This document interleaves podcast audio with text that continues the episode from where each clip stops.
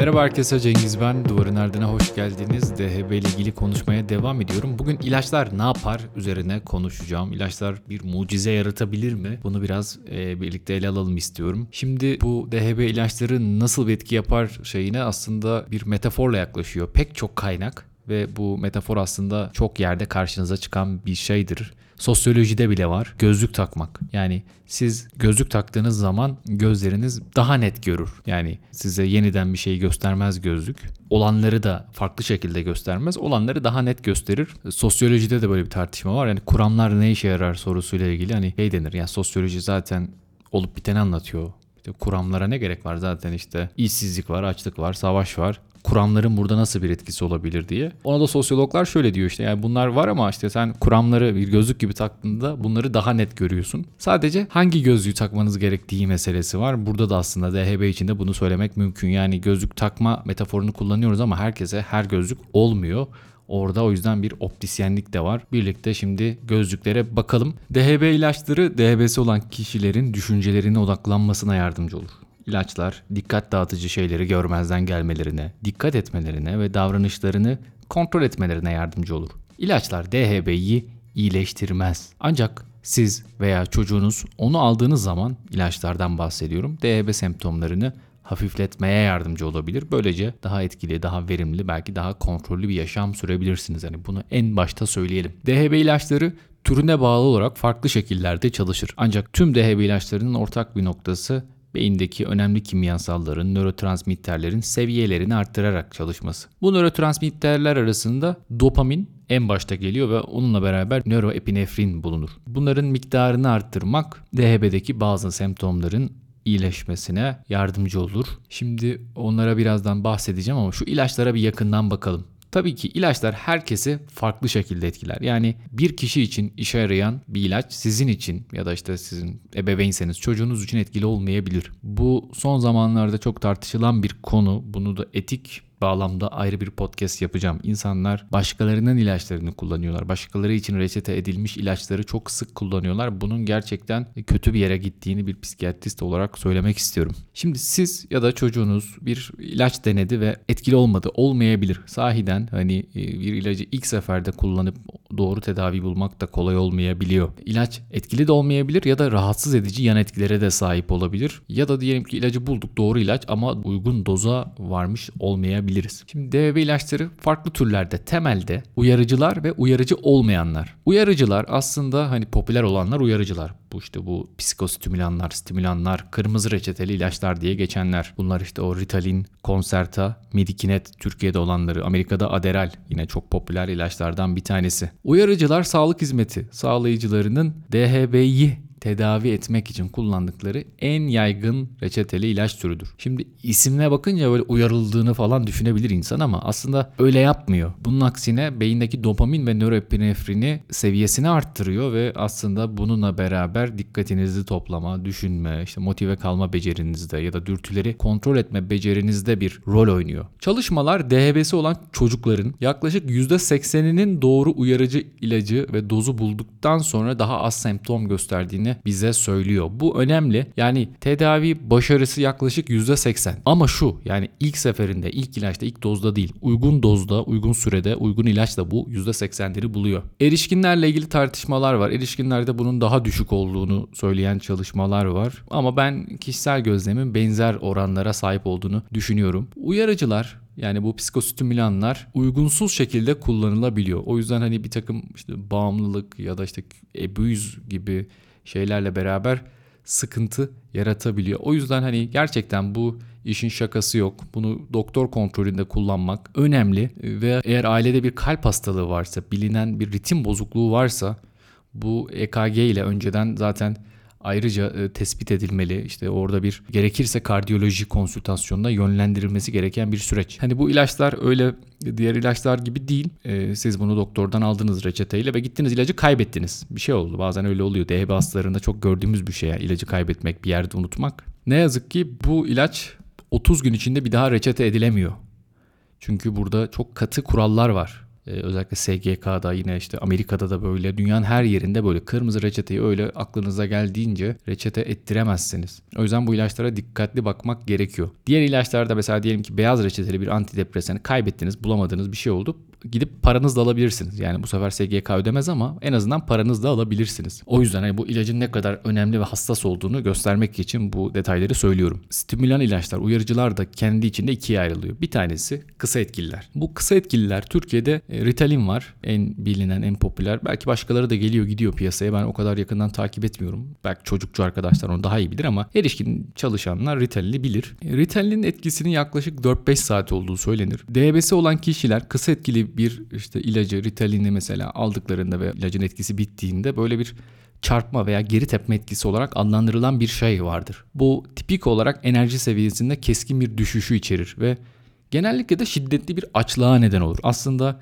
İlacı kullandığınız sırada tok hissedersiniz ama ilacın etkisi bittiğinde bir anda böyle bir açlık hissi karşınıza çıkar. Bazı insanlarda ruh halinde veya depresyonda gibi bir his uyandırılabilir. Yani ruh halinde bir düşüş ve depresif bir hismiş gibi karşımıza çıkabilir. Bazı insanlar ilacın etkisi geçtiği zaman ruh hallerinde bir düşüş, neredeyse böyle bir depresyon benzeri bir tabloyla karşımıza gelirler. Kısa etkili ilaçların şöyle bir önemi var. Ben onu o açıdan değerli buluyorum. Kısa bir etkili ilaç şimdi 4 saat 5 saat ya. Hastanızı karşınıza aldınız. Konuştunuz onunla. Ben şu zamanlarda zorlanıyorum. Bu zamanlar benim için daha önemli. Tüm gün ilaç kullanmak istemiyorum. O vakit beraber hani ilacın işte zamanlarını, ne zaman kullanacağını, hangi dozu ne zaman alacağını belirleyebiliyorsunuz. Böyle bir avantajı var. Biraz aslında özellikle yetişkinler için bunu söylüyorum.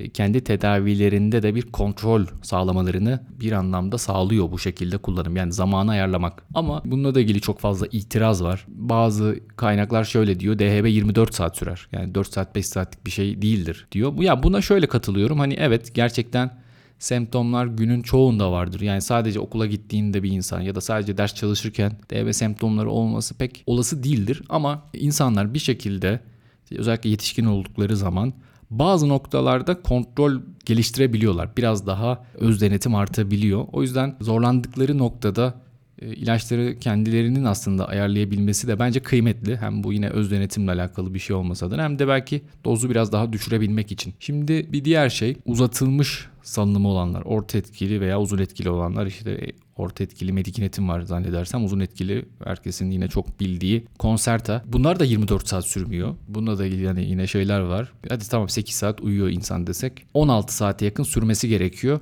16 saate yakın sürdüğünü söyleyenler de var ama genellikle hani gözlemlerim 16 saatlik bir etkinin pek olmadığı yaklaşık 12-14 saat şeklinde bir etki süresi var. Bu da tabii kişinin metabolizmasından metabolizmasına değişebiliyor. Bunun şöyle bir avantajı var. Özellikle uzun salınım ilaçların Çocuklarda kullanımı daha avantajlı. Çünkü çocuk hani kısa etkili işte bir Ritalin'i kendi başına böyle kullanması, işte onu unutmadan düzenli alması çok beklediğimiz bir şey değil yani bir çocuğun. Bir de belki çok güvenli de değil yani çocuğa bir ilacı bırakıp onu okula göndermek hani bilmiyorum orada arkadaşları alır bir şey yapar falan filan. Evden çıkarken tedavi kullanmak herhalde daha sağlıklı en azından yetişkin olana kadar. Hani belki lise döneminde kendisi bunu halledebilir ama daha ilkokul çağlarında bir çocuğu herhalde uzun salınımlı ilaçla eğer hani DHB'si varsa göndermek daha mantıklı. Böylece hani e, günün tamamına yayılan e, bir etkiyi görüyoruz. Bazılarında bu etki öğleden sonra gibi bitiyor. Tabii ki DHB semptomları hala devam ettiği için burada böyle kısa etkili ya da orta etkili ilaçlarla takviye yapıldığı oluyor. Bu ilaçlarla ilgili Tabii ki çeşitli kitaplar var artık. Yani böyle hani e, kitaplardan kastım şöyle bir fenomen yani bu ilaçlar Ritalin Concerta. Popüler kültürde sahiden bunlarla ilgili çok sayıda yazı var, blog var. O açıdan da önemli. Yani bunları konuşmak gerekiyor. Böyle hani kırmızı reçeteli ilaç deyip geçmemek gerekiyor. Amerika'da böyle şeyler çok sık şey yapılıyor. Yani bu Prozac için de vardı yani kitaplar, filmler. Bizde böyle ilaç ismi geçirmek çok şey geliyor. Hani sanki böyle reklamını yapıyormuşsunuz gibi. Ama zaten bu ilaçlar piyasada tek ilaç olduğu için yani kendi muadil muadilleri bile yok yani. Tek başınalar. O yüzden yani bunların etken maddesini söylemekle adını söylemek arasında pek bir fark yok. Bir de aslında uyarıcılar grubunda sayılıp sayılmaması ile ilgili tartışma olan bir şey. Modafinil grubu ilaçlar işte Modivake, Kralium yakın zamanda çıkan ilaçlardan birkaçı. Bunu da bir grup psikiyatrist aslında DHB tedavisi için kullanıyor dikkat eksikliğinde. Bunlar da çünkü aslında kırmızı reçeteli ilaçlar. Bununla ilgili şöyle bir sıkıntı olmuş. Bir zamanlar FDA DHB indikasyonu verdiği verdiği için Bu ilaçlar epey sık reçet edilmiş Amerika'da. Ancak takip eden zamanda bu ilaçlar deri döküntüsü yapmış. Ee, bu Steve Johnson sendromu denilen rahatsızlığa neden olmuş. O yüzden FDA bunun indikasyonunu daraltmış. Yani indikasyon olarak sadece narkolepsiyi bırakmış. Yani aslında şöyle söyleyenler var. Ya bu yan etki bir anda böyle ortaya çok çıkınca FDA biraz korktu ve ilacı sadece yani narkolepsi ve narkolepside aşırı uyuma isteği sadece narkolepside bu ilacın kullanılmasına izin verir bir hale geldi. Aslında DHB'de de işe yarıyordu diyenler var.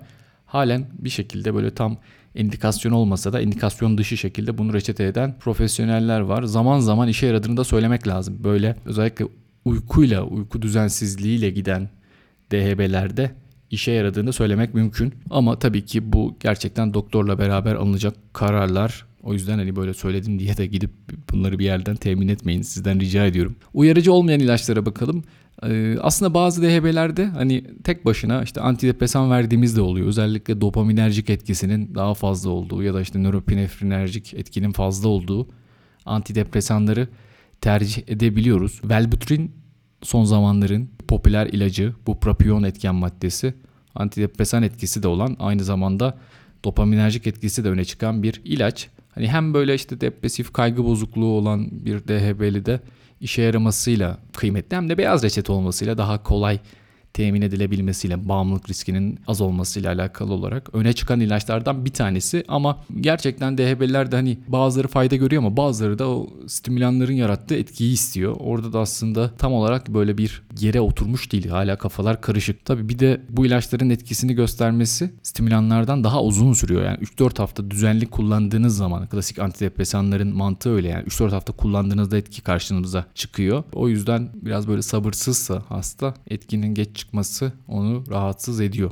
Ama ne, ne zamanlar seçiyor insanlar bunu? İşte uyarıcı kullanmış, hasta stimülan kullanmış, çok etkili olmamış ya da ciddi yan etkiler görülmüş. Yani bazen stimülanlar böyle çok ciddi karın ağrısı yapabiliyor. İşte kilo kaybı özellikle çocukluk çağında çok önemli. Yani iştah, kilo kaybı e, ya da işte bir ritim bozukluğu yaptığı zaman bunu tercih edebiliyorlar yani antidepresanları. Bir diğer şey hani ilacı kullanırken, stimülan kullanırken onun etkisini arttırmak için bazen ekledikleri oluyor. Yine diğer SSRI'lar da işte e, serotonin geri alımı inhibitörleri işte bu klasik antidepresanlar, lustraller, spralexler, prozaklar da bunlar da bazen ekleniyor ama bunlar aslında biraz daha DHB ile ikincil problemlerin tedavisinde ekleniyor. DHB'nin ana semptomlarını tedavi etmede pek etkili bulunmamışlar. Ama işte depresyon, kaygı bozukluğu o tarz şeyler varsa zaman zaman hani DHB tedavisinin yanında bunlar da ekleniyor. O yüzden şunu demeyin yani işte bende DHB vardı doktor bana antidepresan verdi demeyin çünkü verilebilir. Yani tek başına hani belki etkisini göstermiyor ama bir kombinasyon içerisinde ya da depresyon kaygı çok ön plana çıktıysa onların tedavisinde e, tercih edilebiliyor. Peki yani genel anlamda ne oluyor? Şuna bir bakalım. Yani ilaçlar hani az önce söyledik ya gözlük gibidir. Yani hastalığı iyileştirmez ama daha iyi görmenizi sağlar. Mesela dürtüselliği azaltabilir. İlaç tedavisine yanıt veren bireyler genellikle dürtüsellikte azalma gösterir. E, iyileşme en çok açık davranışlar açısından fark edilir. Mesela çocuklarda işte sık sık söz kesme olmaz ya da işte sınıftaki sorulan her soruyu atlamazlar, her şeye cevap vermezler. Biraz daha dürtüsel hareketlerini kontrol edebilirler. Bazı çalışmalarda öğrencilerde ya da yetişkinlerde dikkatsizce yapılan hataların sayısında azalma gösterilmiş. Bu da bence değerli. Özellikle böyle çok kritik işlerde çalışan bir yetişkinseniz küçük hatalar bazen büyük sonuçlara yol açabiliyor ve daha az öfkelendikleri gösterilmiş. Böylece zor görevlerle karşılaştıklarında daha az sinirleniyorlar ya da işte böyle daha çabuk alevlenmek yerine biraz daha kontrol edebiliyorlar. E, bu şekilde ilaç DHB'li bireylerin e, aktivitelerini değiştirmeden bir görev üzerinde daha uzun süre kalmasına yardımcı oluyor.